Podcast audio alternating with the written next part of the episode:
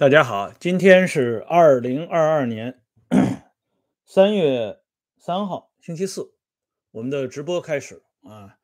今天呢，我看了一下这个订阅数呢，现在是六万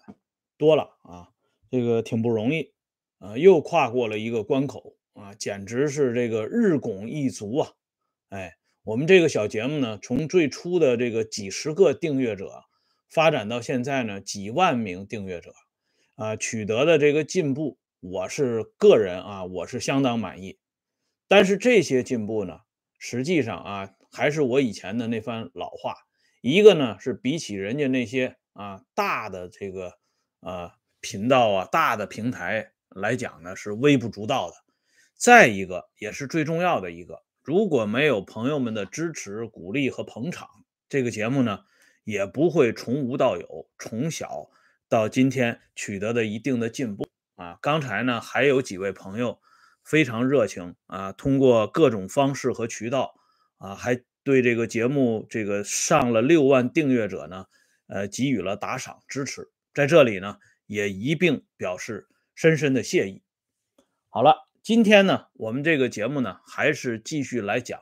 苏联在入侵呃捷克斯洛伐克这个过程当中啊。发生的一些大事小情。昨天我们提到，这个克格勃的总头子安德罗波夫向这个苏共最高当局勃列日涅夫献上了两条计策。第一条计策我们说过了，不重复。第二条计策四两拨千斤，这条计策应该说这是克格勃系统里最拿手的一个好戏。哎。因为这个，昨天我说到了这个克格勃组织啊，就是国家安全委员会，它原来仅仅是苏联部长会议下边的一个具体的啊职能部门。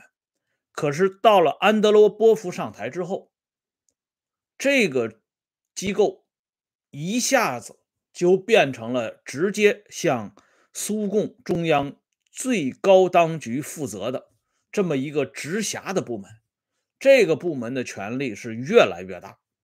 手伸的是越来越长，人马呢也是越来越壮大，所以在策划如何啊这个掌控捷克斯洛伐克啊占领布拉格这件事情上，安德罗波夫那是使出浑身的解数。这个四两拨千斤这个计策就是在这个背景下产生的。因为之前勃列日涅夫啊、柯西金呢这些苏共中央高层头面人物，呃，都给这个捷克方面呢打了招呼，并且写了信了。啊，这个信的口气呢，虽然比以前已经强硬很多，并且把这个尊称“您”啊给改成了“你”，但是捷克方面呢，他产生了一个错觉。他认为呢，苏联不至于冒天下之大不韪，啊，用这种粗暴的方式对捷克国家的内政进行干涉。他没往这方面想，包括这个杜布切克本人，哎，可是其他参与这项啊秘密行动的东欧的领导人，人家都已经得到指令了，东德。保加利亚、波兰、匈牙利四个国家一共派出十万大军，配合苏联的这次行动。啊，苏联呢这次也是玩了命了啊！他是准备一用一种泰山压顶、狮子搏兔的这个状态，一下子吃掉这个捷克斯洛伐克。所以苏军的调动的总兵力达到六十万之多，这是这个第二次。世界大战以来，苏联单独出兵调动军队最多的一次啊！大家想一想，别说在这个和平时代，就是在战争年代，像这个量级的大国一下子调动六十万军队，那不说空前绝后，也是相当惊人。我们看《三国演义》啊，曹操八十三万大军，刘备七十五万大军，但那那个都是演绎，都是小说啊。中国历史上能够大规模的一次调动这么多军队的，在史书上似乎没有这方面的记载。但是苏联这一次确实是真刀真枪、荷枪实弹的，六十万人加上其他那四个国家是七十万大军呢，啊，比当年刘备怒伐东吴的时候仅少了五万人。哎，那么七十万大军是不是一下子啊，就如潮水般的就涌进了布拉格呢？安德罗波夫认为这样做。啊，不能够彰显他所谓的大国风范，哎，大国嘛要有大国的样子，所以要有一种兵不血刃的感觉。因此，当这个捷克斯洛伐克这个中央领导层啊，在八月二十号下午两点钟在开会的时候，安德罗波夫的人马已经布置下去了。八月二十号啊，八月二十号晚十一点。这个布拉格机场呢，啊，地面控制人员收到一个紧急的呼叫和这个通告，说是有这个一架啊苏联民用航空公司的飞机因为机械事故要求紧急迫降，就要暂时的停在布拉格机场。那这捷克斯洛伐克方面呢，没有多想，因为毕竟大家是盟国啊。这苏联老大哥有了情况，特别是民航，哎，战争年代，咱们说啊，嗯，即便是剑拔弩张，但是对民航你还是要高抬贵手的。所以这捷克方面呢，马上就答应了，说这个紧急迫降没问题啊，你就落在这个布拉格机场吧。于是呢，这架民航客机就落在了布拉格机场。可是机舱门一旦打开，出现的是什么人呢？都是安德罗波夫的克格勃人员，这些人呢是全副武装，早有准备。他们立即控制了整个布拉格机场。接下来，啊，苏联的空降兵、坦克部队，还有其他的陆陆续续的大军随即跟进。啊，这布拉格马上就进入到沦陷的状态了。啊，这个时候呢，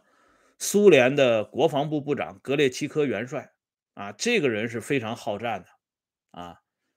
他是直接给这捷克斯洛伐克国防部部长楚尔啊发了一个措措辞强硬的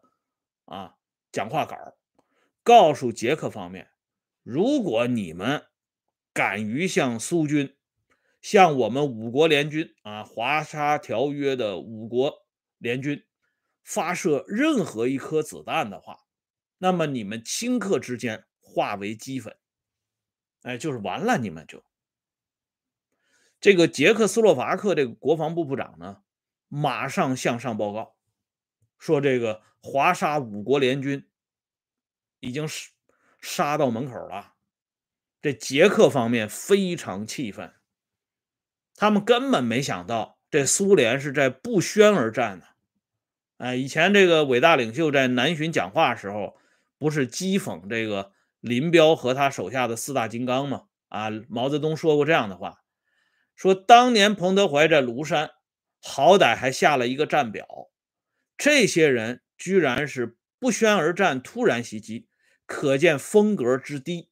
啊！在伟大领袖的字典当中，不宣而战。属于风格非常低的这个层次。那么这一次呢，苏联的行动按照伟大领袖的指派，就属于风格极低。那么昨天我讲到了啊，这个在捷克内部有一支所谓的党内健康力量，说白了，这就是属于啊这个埋伏在捷克党内部的迎合苏联高层的这么一群人。啊，以比拉克呀、英德拉他们为代表，转交给苏共中央主席团委员谢列斯特一封秘密信。那么，这个在信里边呢，比拉克就啊明确告诉苏共当局说：“你们不用担心，只要你们军队一旦开进布拉格，捷共中央主席团进行表决的时候，这个杜布切克他们就是一小撮，十一名中央政治局委员。”只会有五个人站到他们那边，剩下的都会站在你们这边。所以，勃列日涅夫呢，呃也比较放心啊。这个布尔什维克高层啊，就像林彪说的那样，他们最大的担心就是在表决的时候是否占大多数啊。为了这个奋斗了终生啊。可是呢，这个比拉克这些啊，捷克内部的啊，苏联的这个呃应声虫们，他们的承诺和预言没有成为现实。由于苏军的这种不宣而战，捷克高层很多原来处在中间摇摆状态的主席团成员，就是政治局委员们，都一下子倒向了改革派这边。结果呢，最后形成了一个八比三的压倒性优势，要求苏军立即退出布拉格。这时候呢，布拉格的老百姓们，啊，就是捷克人民们，也来脾气了。啊，你这么多军队，莫名其妙的打到了我们家里来，人家当然不干了。哎，所以这捷克老百姓呢，纷纷走上街头。他们眼下能够做的事情呢，啊，就是把这个啊路标给取消掉，让苏军的坦克和先头部队呢成为没头的苍蝇啊，他不知道往哪儿去。然后呢，把这房子的这个呃门牌号也予以这个遮盖啊，反正能做的都做了，因为老百姓手无寸铁嘛，他不可能跟这些。武装到牙齿的这些苏军进行直接的搏斗，哎，但是呢，他也做了一些让苏军前进阻碍重重的这些工作。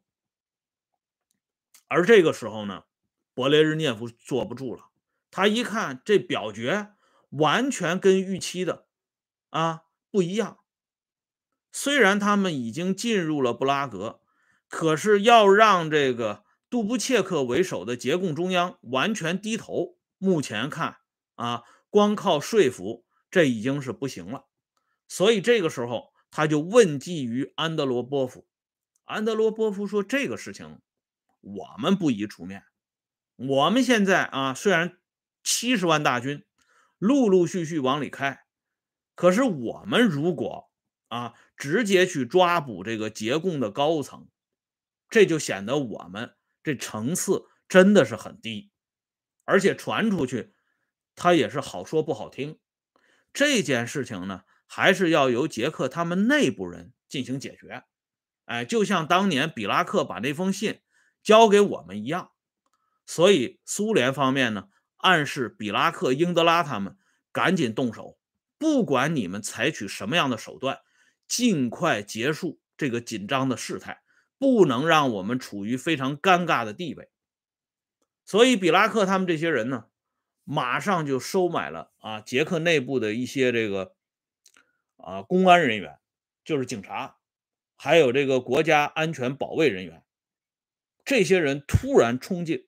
啊捷克中央最高领导人杜布切克的办公室，把包括杜布切克在内的几名改革派的首领一下子给抓了起来。啊，这是非法的，没有经过组织程序的。把他们抓起来之后呢，苏军这边马上予以接洽，就把捷克的这几个高层、顶尖级领导人啊，一下子就压到了苏联那边，完成了最后一步。这样的话呢，改革派就群龙无首了啊。那么布拉格的市民呢，那更是没有办法了。啊，因为头头让人给弄起来。这个时候呢，出现了两件事儿，非常值得注意。一件事儿呢，就是当时啊，西方的一些媒体，包括一些专家，不知道啊，他们是出于什么样的目的，哎，居然呢有这样一种这个评论啊，他们说呢，这个苏联。占领这个捷克斯洛伐克的行动，如果从纯军事角度讲，那是精确、迅速、准时、有效。不知道他们这里啊讲的这种纯军事角度是什么概念？但是就在这个苏联啊这么悍然出兵啊，悍然占领布拉格的情况下，居然出现这样一种论调，在当时呢，让一些人感到迷惑和不解。哎，这是一个现象。那么还有一个现象是什么呢？就是当时啊，在包括布拉格在内的一些捷克的城市里，普遍在传着一个消息，说这个苏共高层发生政变，啊，这个安德罗波夫这些人因为反对勃列日涅夫除兵捷克斯洛伐克的决定，所以决定呢把勃列日涅夫废除掉。啊，由这个苏斯洛夫、安德罗波夫他们几个人啊组成一个临时的啊中央领导集体，来主导这个苏共中央的这个局面。哎，这个消息呢传的是越来越逼真，很多善良的捷克人呢都愿意相信这件事儿已经成为现实。可惜的是呢，这件事儿没有成为现实啊，相反的是，我们看到。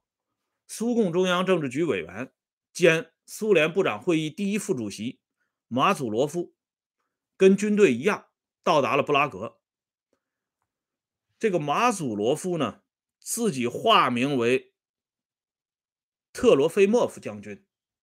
他是负责前线的全权指挥。可是，既然化名叫将军，但是这个政治局委员马祖罗夫居然穿了一个上校的军装。啊，就是说，当时苏联呢，虽然是以压倒性的优势进入到布拉格，可是他们心里很清楚，他们做的这件事情非常不光彩，以至于呢，派往前线的总指挥马祖罗夫身上穿的这个军装，居然犯了这么一个低级的错误。那么下边呢，我们再来看啊，当这个杜布切克这些人被扣押之后。啊，勃列日涅夫呢？他们伸出了一个橄榄枝，什么橄榄枝呢？就是八月二十三号，捷克的法人代表啊，总统斯沃伯达，以及啊第二号人物胡胡沙克，他们呢坐飞机飞到了莫斯科，苏共的中央高层要与这两位捷克的中央高层。进行一次体面的会谈，所以当这个捷克的这两位领导人到达莫斯科的时候，啊，苏共方面的大人物啊，这个勃列日涅夫啊、苏斯洛夫啊，还有这个格列奇科这些人都在啊焦急的等待着，并且呢，双方一开始见面的时候态度也还凑合。可是到了克里姆林宫的谈判桌上的时候，捷克斯洛伐克的这个总统斯沃伯达，这老将军突然之间，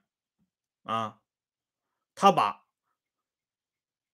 两样东西扔到了谈判桌上。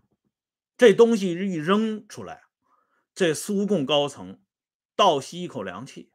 为什么呢？他没想到啊。在重兵碾压之下，这捷克的这个老总统居然来了这么一招。这个斯沃伯达呀，不是一般人啊！这个人在捷克那是大名鼎鼎，不仅在捷克大名鼎鼎，在整个东欧社会主义阵营里边，那都是首屈一指的老将军、老军人。这个人呢？有两个特点，一个是骨头硬，另外一个足智多谋啊。所以呢，苏联的元帅像什么科涅夫啊、崔可夫啊这些元帅，对斯沃伯达那是抱有极高的敬意。那么斯沃伯达扔出了两样什么东西呢？一个是苏联当局授予的。斯沃伯达的最高荣誉，苏联的最高荣誉，苏联英雄称号的这个奖章啊，这锦盒，还有就是一把手枪，这把勃朗宁手枪那来历就更厉害了，这是当年斯大林亲手交到斯沃伯达手中的，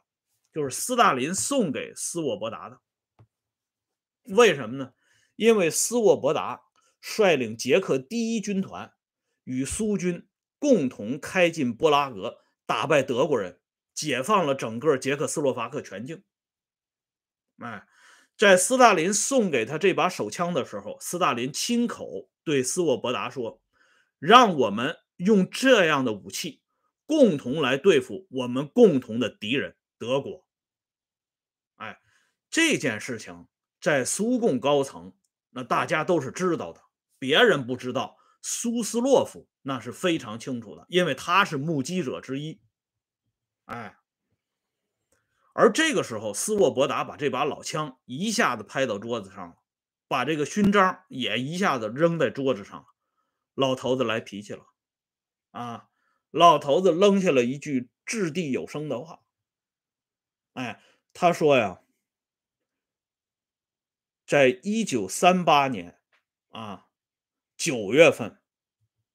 在捷克斯洛伐克就已经发生了一个让亲者痛、仇者快的事情，不知道你们还有没有记忆？但那个时候，德国人也没有敢这么做，敢公然绑架我们的合法的领导人，而你们现在这么做。已经比德国人还厉害了。那斯沃伯达说的这个话，说实话，大家都知道，当年就是慕尼黑啊，慕尼黑协定了，啊，德国人拉着英国人和法国人共同胁迫捷克斯洛伐克签订了这个丧权辱国的东西，也敲响了二战的钟声啊。这斯沃伯达说的这个话，以及他亮出的这把手枪。就像鞭子一样打在苏共高层的领导人的脸上和屁股上，啊，这些人真的坐不住了。哎，你别看这个苏共高层他们做出悍然出兵的决定，但是他好歹啊，这个苏联它是传统的欧洲国家，啊，他还是有点脸的，啊，跟这个朝鲜这类国家他是不一样的，啊，那类国家呢，他是没有脸的，没脸没皮的。哎，所以他一看这斯沃伯达来这么一手，他们这脸啊就有点挂不住了。接下来，斯沃伯达老将军又来一句话，他说什么呢？他说呀，如果你们不释放这个杜布切克，那么斯沃伯达就要用斯大林给他这把手枪开枪自杀，因为他没脸去见这个捷克斯洛伐克人民。在这个苏军进入布拉格之后啊，这个斯沃伯达这老总统啊，他给全国的武装力量下了一道命令，他要求大家放弃抵抗。为什么？他认为这个众寡悬殊，力量对比太悬殊了，而且捷克当时没有外援，没有任何一个国家对他表示支援，既没有精神上的支援，也没有，更没有物质上的。支援，所以这个时候如果啊去抵抗的话，牺牲的这些生命，那是会大大的被浪费掉。所以这老将军提出来，我们暂时放下武器，暂时放下武器不等于说我们就是完全投降啊，我们要换一种方式与苏联人进行抗争。所以他带头把这枪拔出来，要自杀。这样的话，勃列日涅夫他们不得不做出了啊围攻布拉格以来的唯一的一次让步，好吧，那就是把杜布切克放掉。哎，斯沃伯达这个人啊，因为这件事情在捷克斯洛伐克名垂青史啊。这位参加过两次世界大战的老兵，在日后。捷克斯洛伐克发生的天鹅绒革命之后，捷共的很多领导人都跟臭狗屎一样销声匿迹了。比如说这个健康力量的什么比拉克啊、英德拉，还有当时的那个卡佩克啊，布拉格的市委书记，最后呢他自己是在开枪自杀当中结束了自己可耻的一生啊！哎，包括这个后来取代杜布切克的胡萨克。他们这些人都被捷克人民踩到了脚底下，只有斯沃伯达，他的这个塑像啊，他的纪念的这些纪念碑等等啊，至今还在捷克境内屹立不倒。就是说啊，这就应了那句话了，刘少奇啊，拼尽全力喊的那句话：好在历史是人民写的。啊，这个人民是真的人民啊，不是那那种人民啊，所以从这个斯沃伯达这个例子里边，我们就可以看到，啊，这个国家呀能够顽强的生存下去，这个领导层，领导层当中的领导人，那是至关重要的啊。虽然呢败了第一招，第一招，但是没有完全一败涂地。靠的就是这种罕见的勇气，哎，今天呢，我们这个节目就说到这里，感谢朋友们上来点赞、收看和收听啊。今天呢，这个会员节目呢已经上传了一期啊，这个感兴趣的会员朋友们可以去观看。